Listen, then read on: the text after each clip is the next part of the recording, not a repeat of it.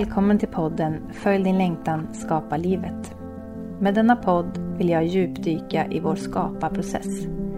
Hur vi skapar våra liv med lätthet genom att lyssna på vår inre äkta längtan. Att gå från ord till handling, även om man känner rädsla. Jag kommer bjuda in olika personer som älskar att vara i skapandet. Och de kommer få dela med sig av sina nycklar i att vara i flow och inspirera dig att ta dina egna modiga kliv i din längtans riktning och bli en superstjärna i att skapa ditt liv. Jag heter Nina Thorén, är konstnär och bor på Österlen. Välkommen till min podd.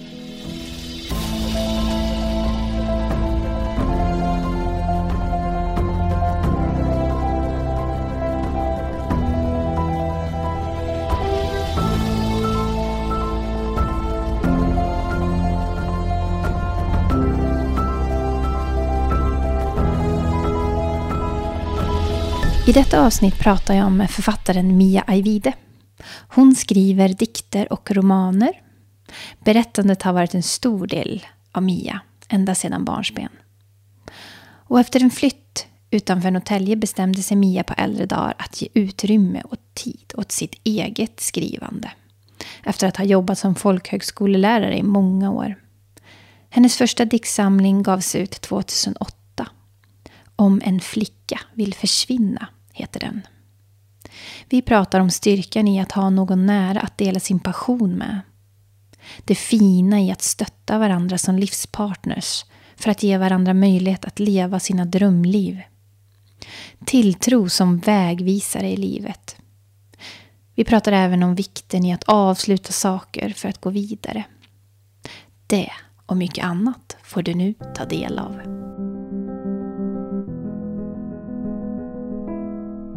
Välkommen Mia Evide till Följ din längtan, skapa livet. Tack Nina. Så himla härligt att sitta här i din skrivarlya, en gammal sjöbod på din och Johns tomt utanför Norrtälje. Ja. De som inte vet vem du är, vem är du Mia? Ja, det är väl bland de svåraste frågor man kan få. Men på ett eh, strikt konkret plan så är jag alltså är jag författare och jag debuterade med en diktsamling. Sen skrev jag två romaner. Och sen har jag då illustrerat en barnbok och en fågelbok som är lite originell och knasig. oh. Ta oss med hur det hela började.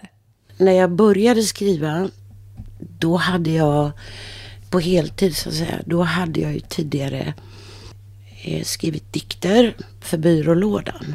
När jag, för att uttrycka en känsla som jag gick runt med så skrev jag en dikt och så stoppade jag ner den i byrålådan. Och sen när jag då slutade mitt jobb som lärare var jag ju ganska gammal. Då var jag 50, typ 54 år eller något. Och vi flyttade till en plats som var ny för mig. Och här fanns, jag var folkhögskollärare och här fanns ingen folkhögskola att jobba på. Då visste jag att jag skulle få ledig tid. Och då frågade John, min man, vad ska du göra? Vad ska du göra? Inget jobb. Ja, då ska jag skriva dikter. Så eh, det gjorde jag ju och de bara rasade ur mig.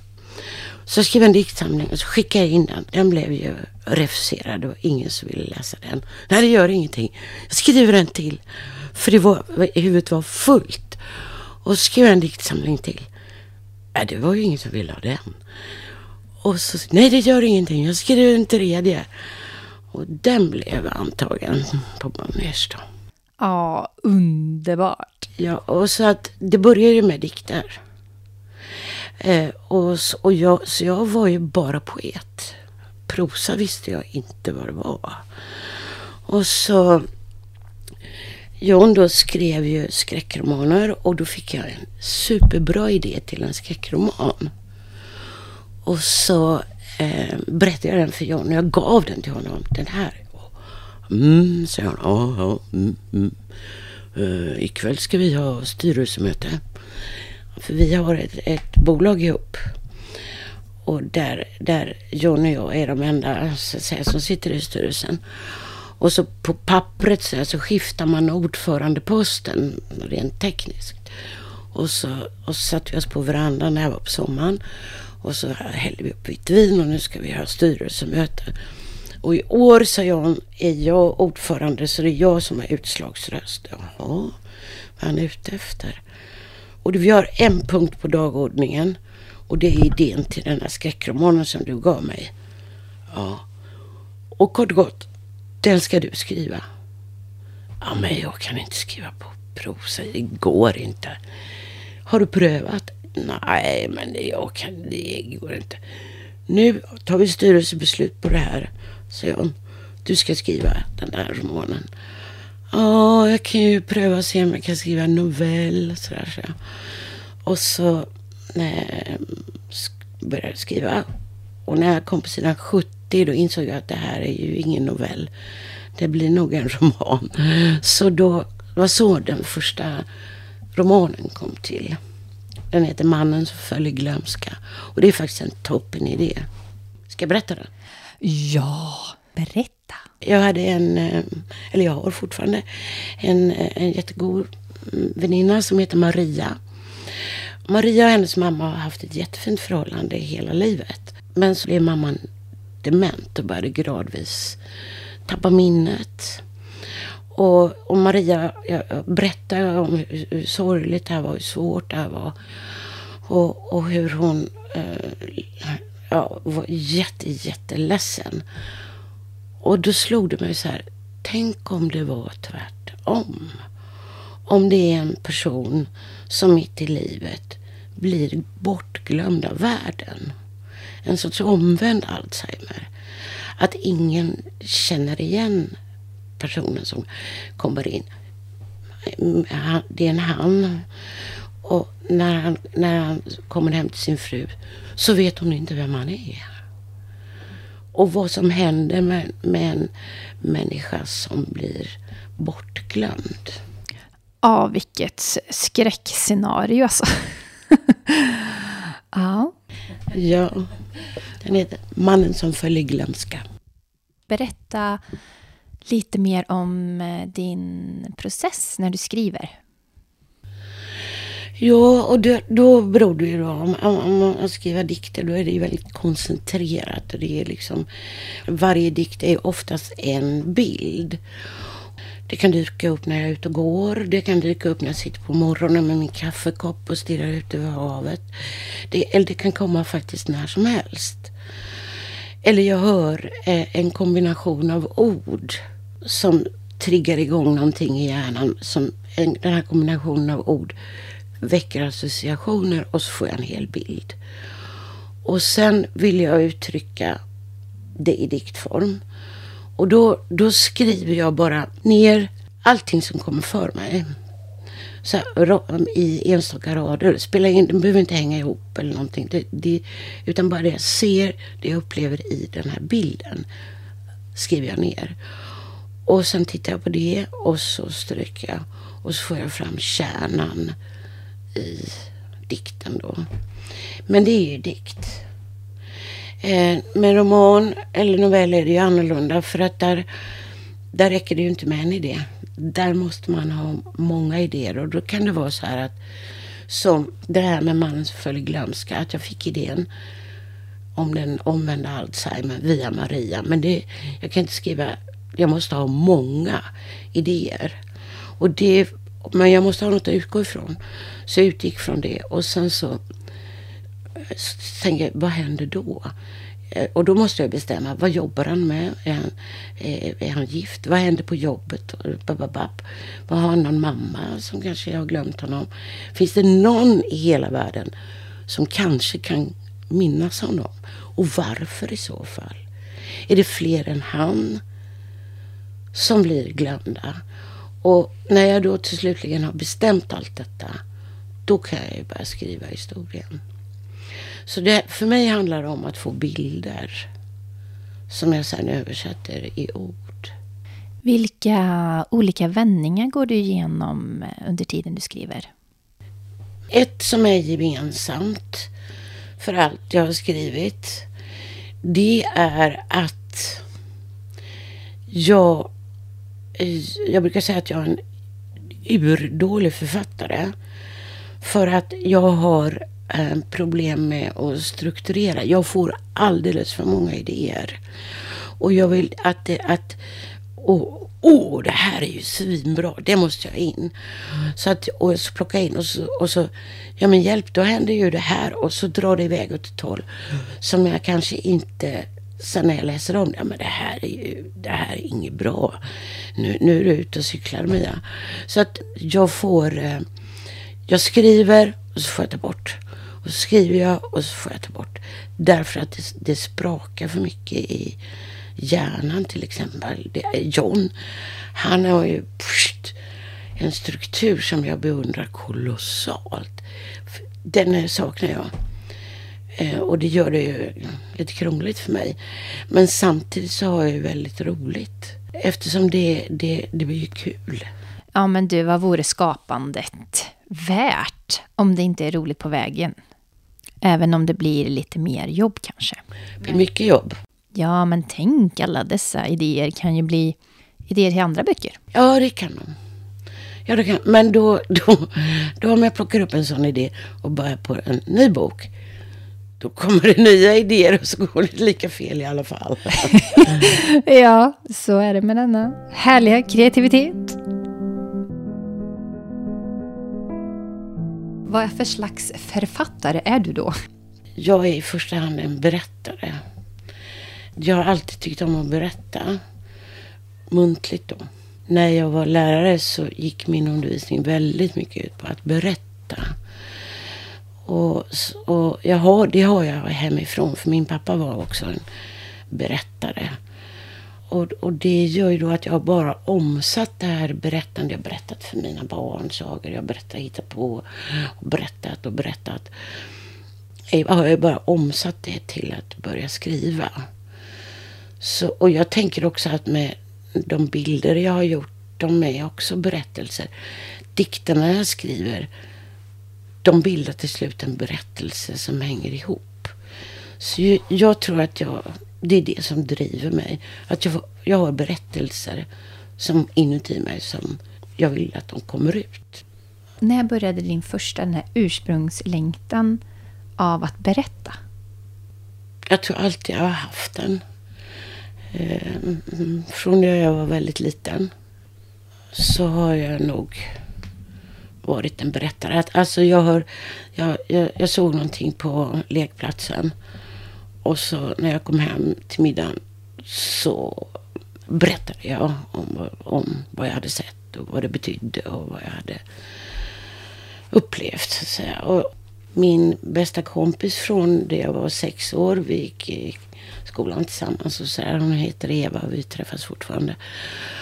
Hon och jag sprang upp till skogen och så hade vi en cigarettlåda som, efter min farbror som var storrökare. En plåtlåda är väldigt vacker med guldkant och emblem på. Och så samlade vi glasspinnar. Så slipade vi den rak. Och så la vi den i lådan. Och så när vi hade ett antal pinnar så, så gick vi upp och satte oss i skogen. Och så skulle berätta en historia. Och så när den berättelsen var kvar då slängde vi glasspinnen och så fick man ta, den andra ta en glasspinne och berätta en historia. Och så var det gjort. Så att jag tror att jag har haft det här sedan jag var putteliten. Och som tur var träffade jag ju Eva då som var likadan. Men jag tänkte ju aldrig på det som ett yrke. Utan det, det, det var ju bara jag. Att det, att det skulle gå att använda hade jag ingen aning om. Så eh, när efter gymnasiet då, så, så, vad, ska man, vad ska jag bli? Vad ska jag? vet inte vad jag ska bli. Jag har ingen aning. Så då, då hade jag en annan kompis som hette Eva. Och hon visste inte heller vad hon skulle bli. Och då bestämde vi att vi, vi skickar in ansökningar till en massa universitetslinjer. Och så lovade vi varandra och svor dyrt och heligt att den första som vi fick svar ifrån, den skulle vi gå. Den första jag fick svar ifrån var lärarhögskolan. Så det var därför jag blev lärare. Mm och då jobbade jag som lärare för mellanstadiet. Och eh, tyckte att det var jättekul. Jag verkligen njöt. Och där var en, en byskola. Så att det var en 4, 5, 6 Det fanns bara en klass på mellanstadiet. Och första åren där var jag helt ensam i skolan med barnen. För lågstadiet låg en mil bort. Så där var jag och barnen i en, i en främmande by. Där jag inte kände en människa. Jag hade ju bara barnen att vända mig till. Och till slut så, så tror jag att de här barnen blev lite utmattade på grund av alla idéer jag hade om vad vi kunde göra.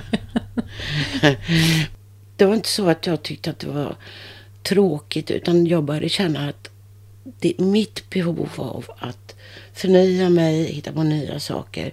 Det kanske inte är, det kanske blir för mycket nu. Jag får nog försöka hitta på något annat. Och då, eh, jag hade gjort sådana lite spektakulära grejer i skolan som de hade skrivit om i tidningarna. Och då var det en rektor på folkhögskola i närheten som eh, tog kontakt med mig och frågade om jag ville börja på den här folkhögskolan. Så då blev jag folkhögskollärare istället.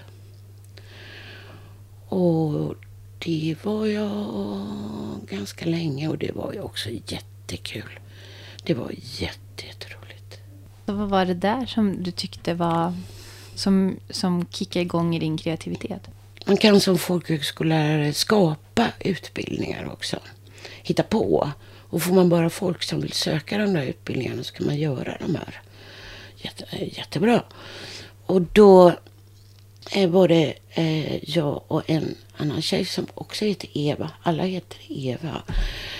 En tredje Eva. Nästa, nästa roman heter Eva, Eva, Eva och Eva. ja, ja. Eh, hon, hon är då fotograf och filmare. Och jag tyckte mycket om skrivande.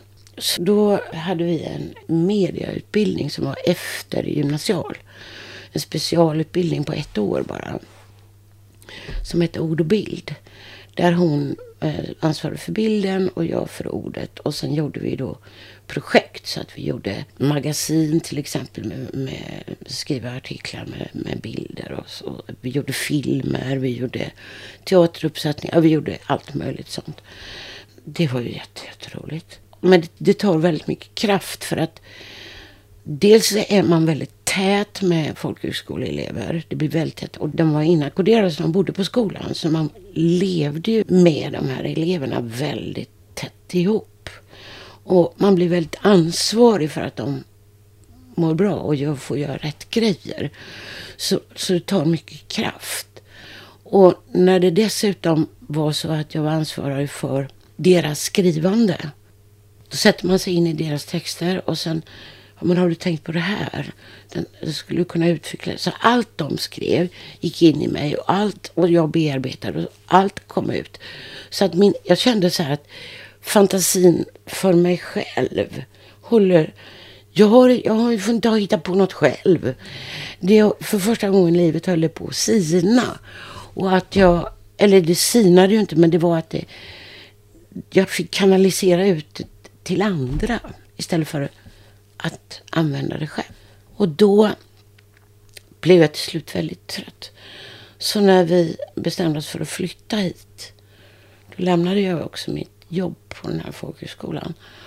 Och då, fick, då var ju då jag kände, nu ska jag skriva dikt.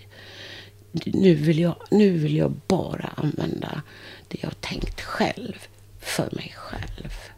Men folkhögskolan och, och även den här mellanstadieskolan var ju jättekul. Men det är att gå vidare lite i livet. så. Ja, jag kan ju förstå vilken eh, sprutande kreativitet. Jag förstår det här med det här dikt, diktsamling. Att du bara, nej det gör ingenting. Det är så, det är så sjukt kul så skitsamma. Ja, yes, ja. äntligen liksom. Mm. Fast sen var det ju väldigt roligt att bli publicerad. Det kan man ju inte säga. Ja, men på något sätt så är det ju också att man vill ju kunna leva på sin passion ja. också. Och, och få bekräftelse. Få den bekräftelsen. Ja. Ja det är inte kärnan i sitt skap, alltså det är inte därför man håller på. Men Nej. det är ju en del, det, det skapar ju ett hopp om ja. att shit, jag kan fortsätta leva min dröm. Ja. Det här kommer att funka även ekonomiskt. Ja, det är fantastiskt faktiskt när det blir så. Det kan inte jag på mitt skrivande. Men eh, som tur är så John kan ju det så att vi klarar oss. Lite får jag in men eh, jag är ju ingen storsäljande författare. Att man är en tvåsamhet. Man är ett team. Ja, Och, och där handlar det om att ge och ta på olika sätt. Och det är ju fantastiskt härligt att, att liksom kunna ge varandra det. ja, det, Att kunna få leva, att, att hjälpa varandra och leva varandras drömmar. ja. Är inte det det finaste som, som är? Jo, att, det är det. Vad vill du här? Liksom? Vad- Ja. Ska, vad, hur kan vi skapa det här ihop, jag Ja. och du? Ja.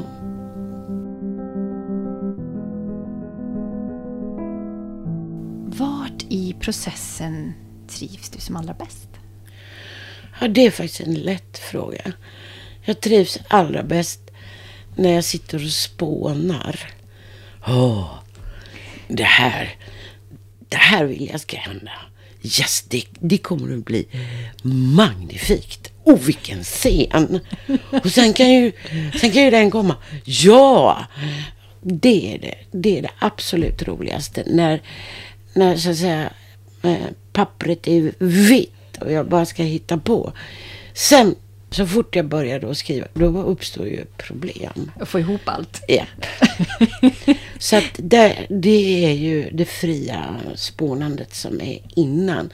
För ju längre du skriver på en roman, desto trängre blir det ju. För du har, du har ju berättat en massa saker som styr handlingen.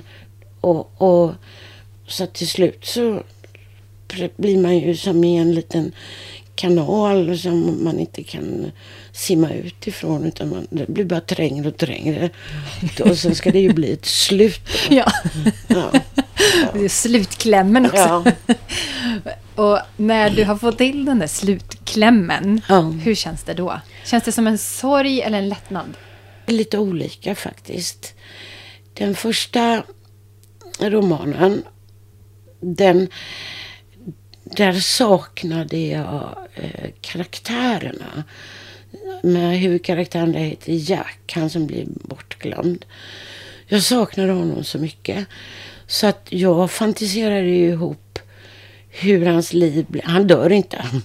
Utan hur hans liv ser ut i fortsättningen. Så jag vet ju jättemycket om honom som ingen annan vet. Och, och så där, där saknade jag att vara tillsammans med honom i den här världen. Eh, sen skrev jag ju då den här Älska Vingåker som jag i och för sig tycker är en bättre bok. Där eh, har jag en, eh, en gammal man som heter Petrus Ekman. Och han saknar jag också jättemycket. Eh, så det, det, de andra bryr jag mig inte så mycket om, men Petrus saknar jag. Och det, jag har en tendens, för det finns även i den första romanen en äldre man som heter Arthur.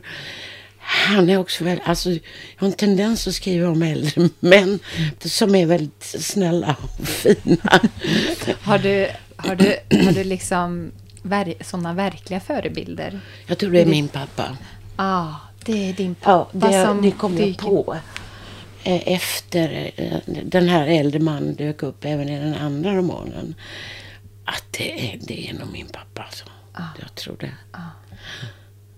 För honom tyckte jag så mycket om. Mm, det, är- det är ju ett sätt för dig att få, att få honom att leva vidare Ja, ja. i dina berättelser. Ja. Och han var ju en berättare av rang. Mm.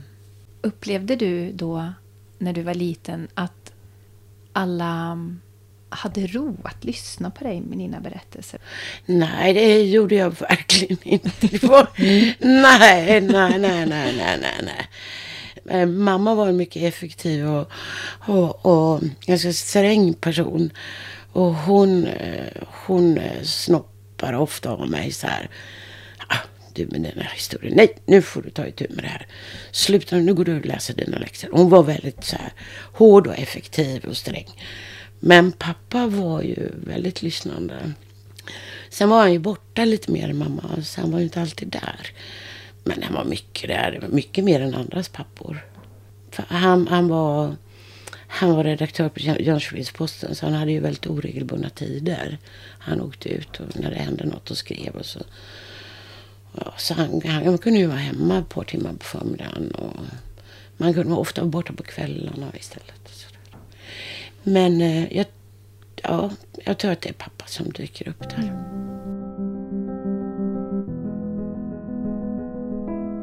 När det dyker upp lite hinder och sådär, hur jobbar du med dig själv då? I din process eller sådär? När, jag har, när det blir hinder, då går jag till John. Ja, då är det som att ni kan lösa upp varandras knutar. Oh ja. Ah. Oh ja. För det är också väldigt härligt det här teamworket. Alltså det här sam, det blir, ni kanske inte sam, eller ni har ju samskapat på den här fågelboken. Ja. För då och en barnbok. och en barnbok. Och då eh, har ni samskapat i skrivandet eller är det han skrivit och du har målat? För du målar ju akvareller, du illustrerar ju till de böckerna. Ja. Nej, då har jag bara målat. Då har du bara målat, ja. Mm. Så det är ett samskapande i att då skapar du bilden och han texten. Ja. Och sen kan det växla inspiration fram och tillbaka. Liksom, Ja, så. just det. Mm. Precis. Han tittar på mina bilder och säger ja men där kunde ju vara någonting sånt. Eller han kan fråga "Vad- vilken fågel ska jag skriva om? Och så, så, ja. Men det är han som skriver och jag som målar i de fallen. Mm. Vi skulle aldrig kunna skriva ihop. Nej. För ni skriver väldigt olika, eller? Ja, vi skriver olika och, det, och har olika tempon. Jag skriver Ja. ju så snabbt. Ja. Och jag är så långsam så han skulle ju gå i taket om han skulle vänta på att Ja. min del av texten skulle komma. det blir inte rätt rytm. Nej, Nej. så det, det skulle vi nog aldrig göra. Det är ju faktiskt väldigt härligt. Alltså det är så härligt att ha någon i sitt liv. Det behöver inte vara sin partner. Det kan vara en vän. Eller Ja, någonting. då. Just att dela den här passionen med. Mm. Och få, och få nörda ner sig i det man är just nu i. För det kan jag tro många saknar. Ja. Som i ensamma yrken. Ja. Så försöker man liksom hitta någon. Men det här direkta. Liksom, det måste vara en otrolig gåva. Ja, Att det är en liksom bara- fördel som är väldigt, väldigt stor. Alltså. Ja, just det där att bara kunna snabbt djupdyka i någon idé i huvudet, någon story och så bara, åh, vad tycker du om det här? Ja. Åh, jag har fastnat här. ja. Ja. Guld. Och vi gör ju så att när, eh, när vi har skrivit och har fem, sex, sju, åtta sidor skrivna, då läser vi högt för varandra. Alltså under skrivprocessen. Mm. Så jag följer ju Johns skrivande. Och, och jag får ju mycket mer berättat för mig än vad han får. För mitt går så långsamt. Men, eh, och så kommenterar vi det och säger vad vi tycker. Och, så vi är med i varandras process hela tiden. När man har någonting inom sig och sen får berätta det för någon Mm. så kan det ju bli bara av det här att få uttrycka det Mm. kan ju föda idéer. Det behöver inte ens vara den andra som Nej. kommer med idén. Precis så. Mm. Men det är det här det, det andra paret ögon som tittar på vad man gör. Mm. Det gör att det väcker även saker i mig. När jag ser att du tittar på det så blir det ju så. Mm. Men Nu blir jag så nyfiken. Är det, är det, är det din dikt, en diktbok där? Nej, det, är inte, det, det här är fågelboken. ah, det är en fågelbok. Har du någon diktbok? Om du vill läsa någon Ja. liten dikt? Här, den här kanske. Ni stiger upp i gryningen. Det finns frallor i skafferiet. I garderoben förvaras uniformen, drömd i vitt. Den kan frasa i kulvertarna och i omsorgen. Ni går till bussen. Det blir en flock som änglar och fåglar. Ni tvinnar era röster samman, stryker tillbaka varandras hår. Naturligtvis, som de som ska bli systrar gör. På era pannor brinner en liten feber. Se, säger ni, våra händer lindrar smärtan. Vi lovar tystnad och lägger mynt på ögonlocken. Hos oss är liv och döden en hemlighet. Vad handlar den berättelsen om? Eh, För dig? Den här, Hur land den, den, den, för mig är det här en, en berättelse, hela diktsamlingen. Och det heter Om en flicka vill försvinna. Eh, och eh, för mig handlar det om, den är, den är djupt personlig, den mest personliga av de böcker jag har skrivit. Eh, det handlar om att från att ha varit folkhögskollärare omgiven av människor som behöver, som behöver mig, som vill tala med mig, som vill vara med mig. Att flytta till en främmande by där jag inte känner en människa. Där John delvis är uppväxt. Så han har sin släkt, han har sina han har väl så gamla bekanta i alla hus runt omkring. Och plötsligt är jag osynlig. Och det var ju helt nytt för mig. Och, och, och, och jag, jag tyckte om det. Och det var skrämmande samtidigt. Så den här boken handlar, handlar om den omställningsprocessen kan man säga. Den här, den här dikten jag läste, det var ju eh, att jag såg eh, kvinnor i byn. De gick till bussen för de arbetade i, som undersköterskor.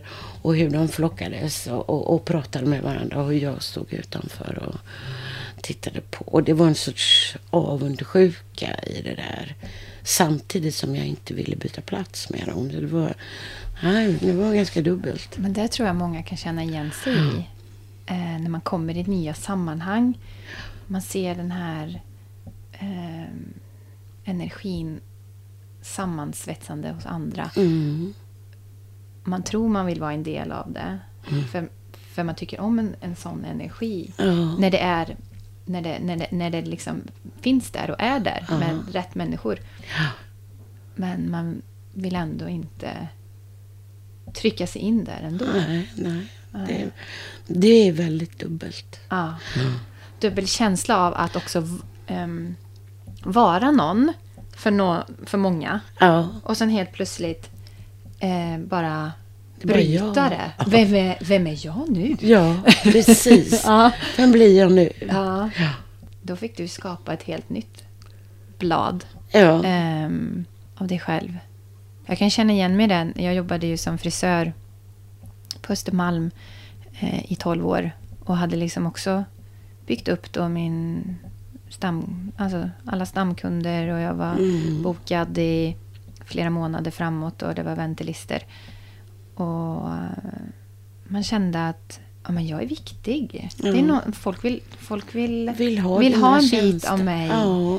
Eh, jag, det jag gör, det, är uppskattat. Eh, det är någon, de vill ju komma, åter och åter komma tillbaka. Så ja, någonting som jag gör är väl bra. Ja. så här.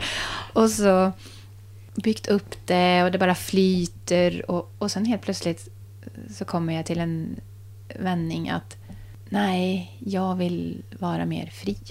Att inte ha tider att passa. Jag vill eh, vara med årstiderna mer. Välja när jag vill titta på en soluppgång eller...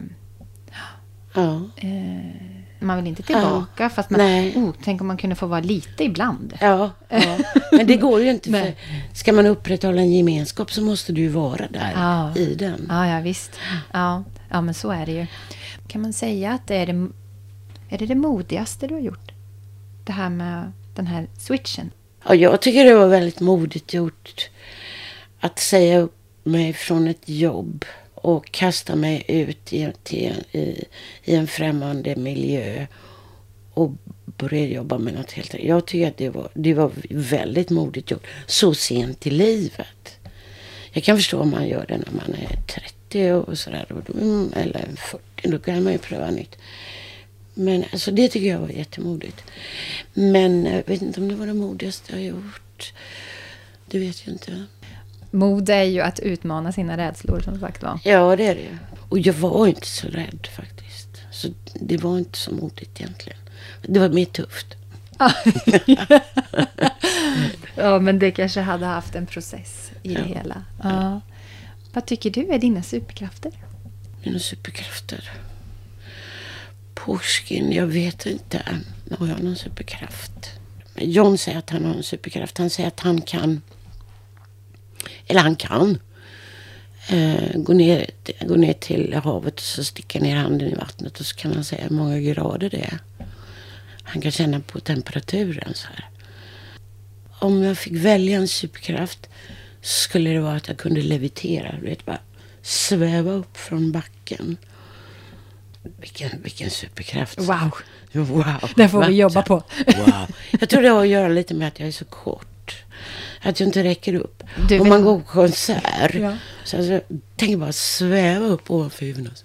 Se. Ja. Ah, shit. Det, Ja. det skapar ju nya perspektiv Ja, i livet. ja det gör det. Så. Om man kommer högre upp. Ja. Ja, det gör det.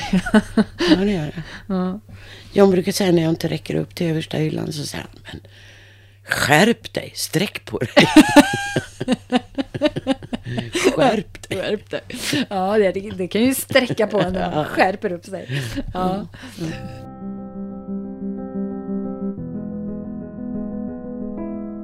Eh, Har du några rutiner som du alltid gör innan du ska börja skriva? 95 procent av alla arbetsdagar så ser likadana ut. Och det tror jag är någon sorts trygghet. Ja, det funkar när jag gör så här. För att jag, eh, jag stiger upp.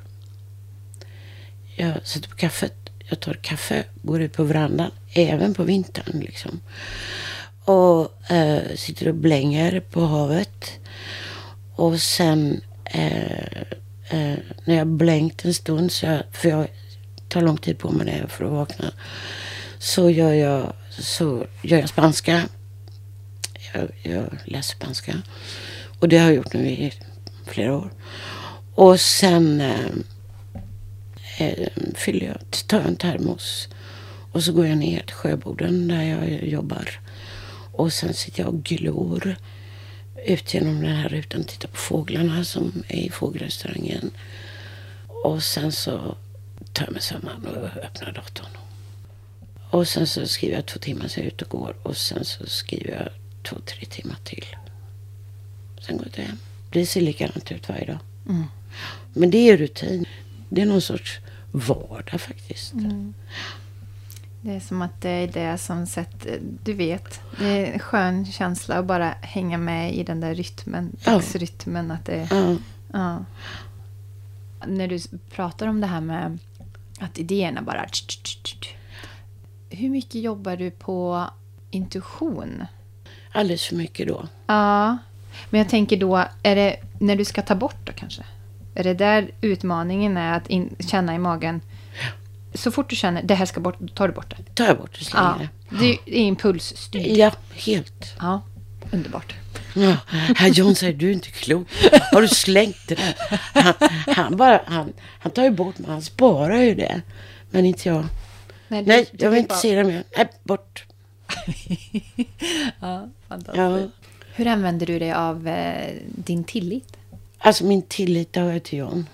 Jag vill inte säga att jag använder mig av den. För använda är inte ett bra ord i, i, i min värld. Eh, det finns en filosof som heter Martin Buber. Han har skrivit eh, filosofi om en väldig massa ämnen, bland annat konst. Men hans grundbok heter Jag och du. Och den läste hon och jag högt väldigt tidigt i när vi hade, just hade träffats. Och både han och jag blev helt hookade på den. Och, och, och han såg världen som vi såg världen, tyckte vi. Vi hade hittat våran filosof. Och vad Bobo säger då tidigt i den boken, det är att verkligen uppleva naturen, en annan människa. Eh, det, är, det, det är ett ögonblick där, in, som inte, där det inte finns några beskrivningar. För så fort du börjar beskriva, då börjar du utnyttja, då börjar du använda. Och då, och då försvinner den här upplevelsen. Det här starka att vara med om någonting som är jag och du. Alltså jag möter dig. Men du kan inte beskriva för du utnyttjar och begagnar. Och det kan man, så att använda sig av tillit, Det är klart man gör. Det gör man ju. Det måste man ju göra. Jag kommer tänka på det här när du säger hur jag använder mig av tillit. För då faller det liksom på grund av Martin Bober. Ja, men men eh, jag klart jag använder mig av John. Jag lutar mig tillbaka helt på honom. Och jag, jag tror det här är ömsesidigt. Att vi litar så väldigt på varandra. Så jag kan, jag kan lägga allt i hans händer så att säga. Och jag hoppas han kan, och det vet jag, han kan lägga i mina också. Så när, när, när du säger ordet tillit, då tänker jag först på John. Sen har jag dessutom en eh, extra tillit för jag tror på Gud. Och, och, och det är något, det finns något bakom allt som jag kan lita på om det mm. behövs. Det är som en en grundton som bara finns med där. Ja. Mm. Har du någon um, ledstjärna sådär, som styr lite dina prioriteringar? En idé kanske? Mm. Ett ord? Eller en eh, ah. som omfamnar, sammanfattar hur du prioriterar saker i livet? Kanske trohet. Jag vet inte om det är det, men det är i alla fall ett bra ord för mig. Trohet till de ideal jag har. Trohet till dem jag älskar. Eh, eh, ja, ja. En sorts, ja, eh, större än lojalitet, alltså trohet. Ja, det tror jag. Mm. Jag tror att jag värderar det väldigt högt.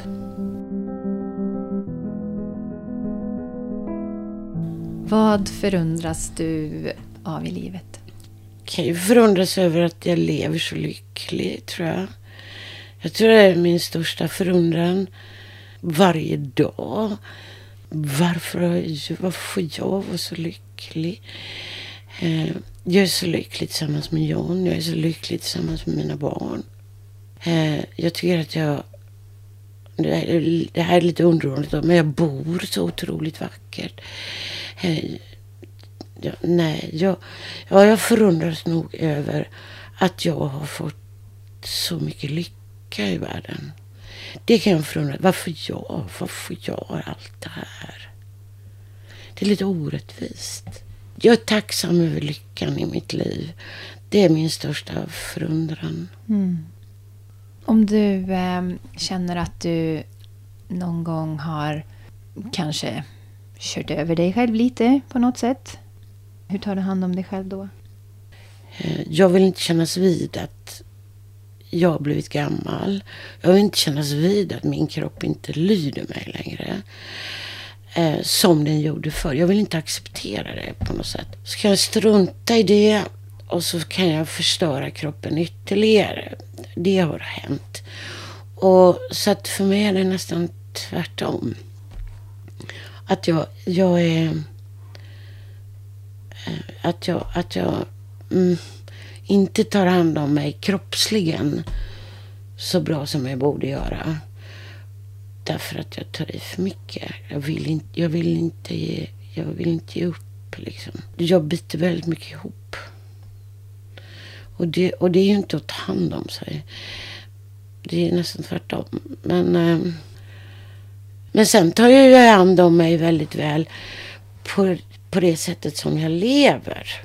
Som jag tar för egentligen själv, för självklart.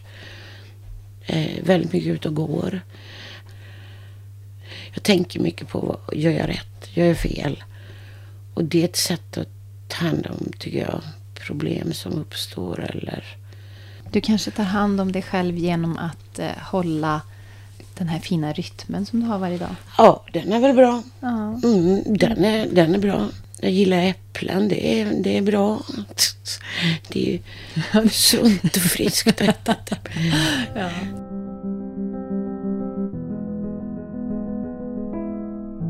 Vad skulle du vilja lämna för avtryck här på jorden? Eh, jag skulle önska att framförallt mina barn, när de träffas när jag är död, att de ska sitta och berätta historier om mig och säga, kommer ni ihåg när hon gjorde sig? Kommer ni ihåg när hon gjorde sig? Ja, ja, ja. Kom. Alltså jag, jag skulle vilja leva i deras minne och jag skulle vilja att de pratade mycket om mig. Det skulle jag. Det ska, då skulle jag sitta uppe i himlen och kika ner och säga mm, mm. Nice. Ja. Ja. ja. Och så John förstås. Att han ska alltid hålla mig i minne. Det är det avtryck jag vill lämna faktiskt. Ja. Vad kommer spontant till dig när jag säger så här? Vad är livet?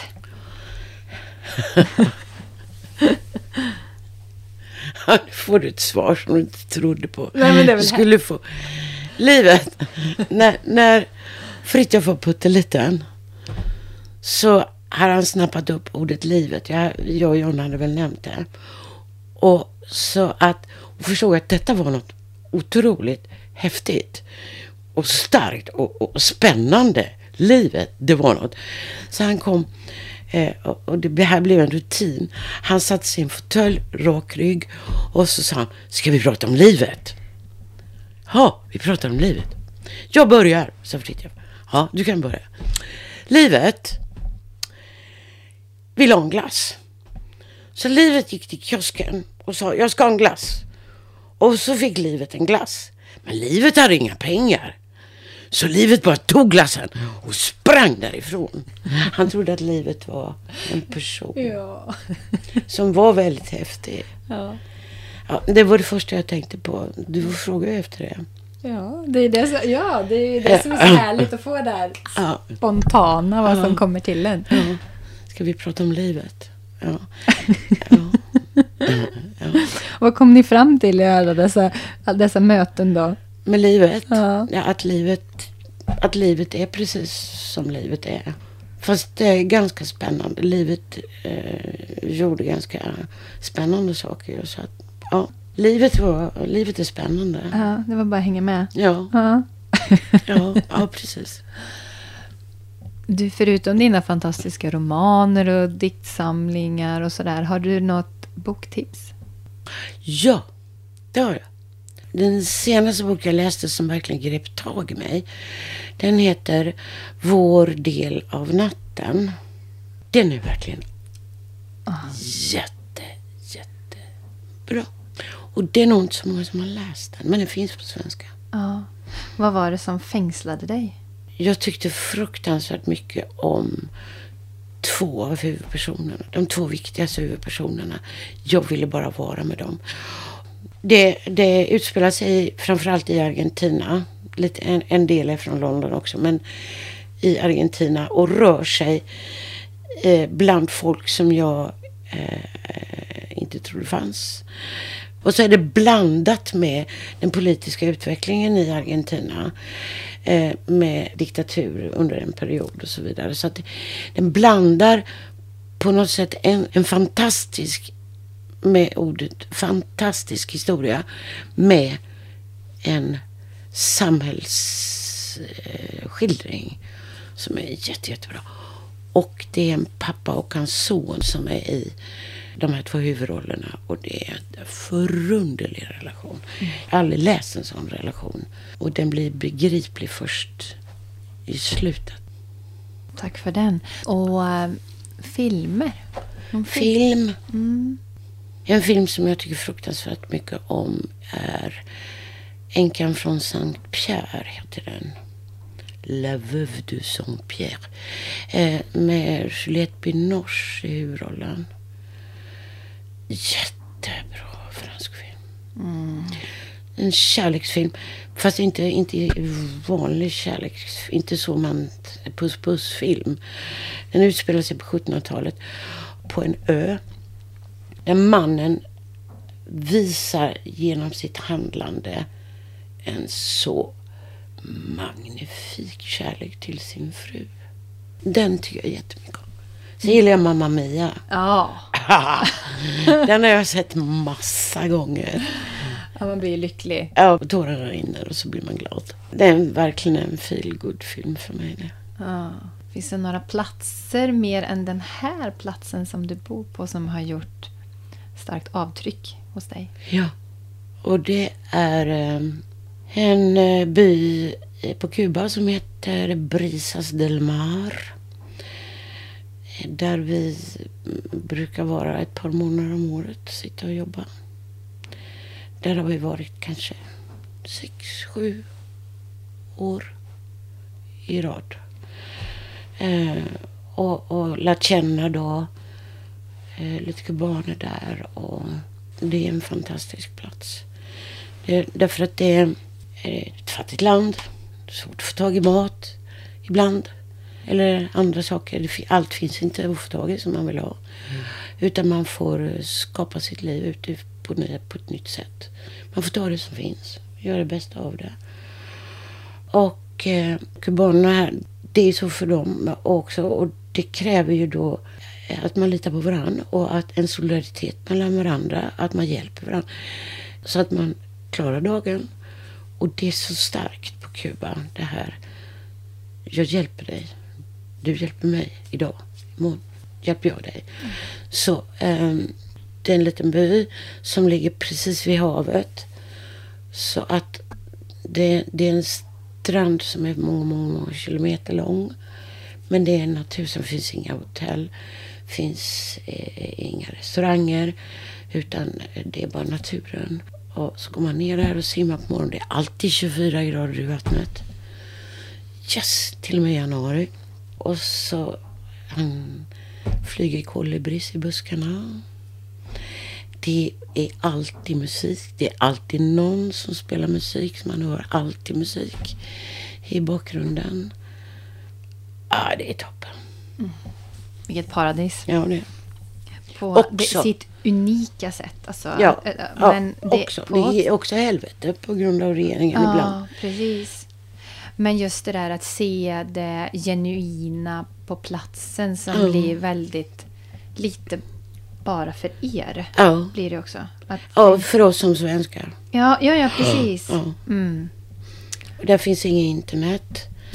Eh, så att man är totalt uh, avkopplad. Ah. Ingen kan nå oss. Nej. Det är superbra. Ja. Just att få begränsa möjligheter ja. för en gör väldigt gott. För sen när man kommer hem så blir man så väldigt tacksam. Att det skapar man, en tacksamhet. Ja, det skapar inte, och det skapar inte bara tacksamhet. Det kan också skapa, jag vet, när vi kom hem från Kuba, det är ett par år sedan. Så skulle vi träffa Jonathan, tror jag då, en av sönerna. På Saluhallen var det Ja, jag kommer inte ihåg. Eller NKs matvaror. Någonting sånt där. Och så eh, kommer vi dit och John tvärnitade inför utbudet på alla hyllor. Där man kan välja hur många märken som helst. Det ligger travar med bröd. Alltså det här överflödet. Det kan kännas äckligt. Mm. Ja, det blir, det blir... Ja, det blir för mycket. Så eh, det, det, skapar också det skapar tacksamhet över att vi har fått vara på Kuba. Det är ingen tacksamhet mot överflödet när man kommer hem. Då blir det lite obehagligt. Ja, ja jag förstår det. Ja. För det blir en sån sjuk kontrast. Ja, det blir en sjuk kontrast. Precis ja. så.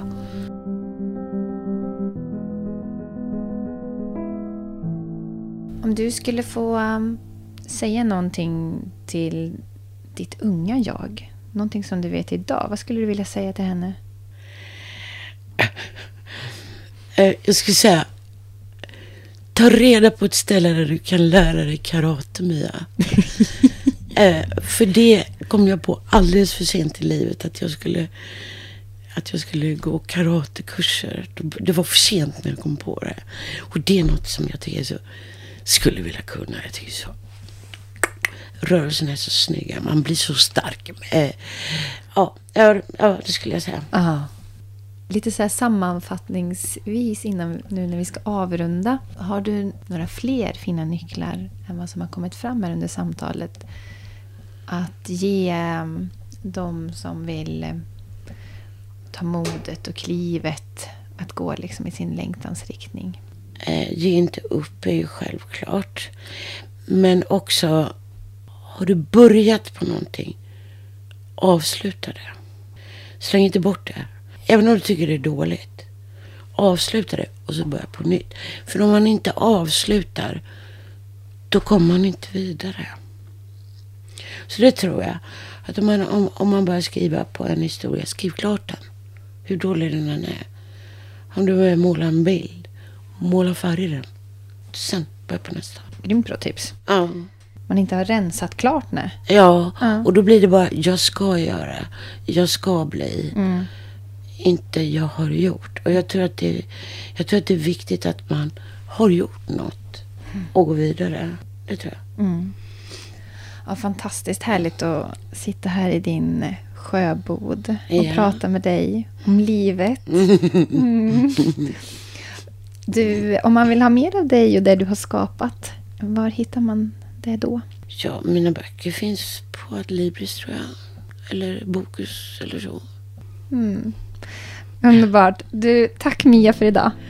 Tack Nina. Tack för att du lyssnar på Följ din längtan, Skapa livet-podden. Är du nyfiken på mig och min konst? Konst som vill lyfta en känsla av längtan, ursprung och urkraft. Allt hittar du på min hemsida ninatorenart.se. Så fint att du har hittat till min podd. Vi hörs!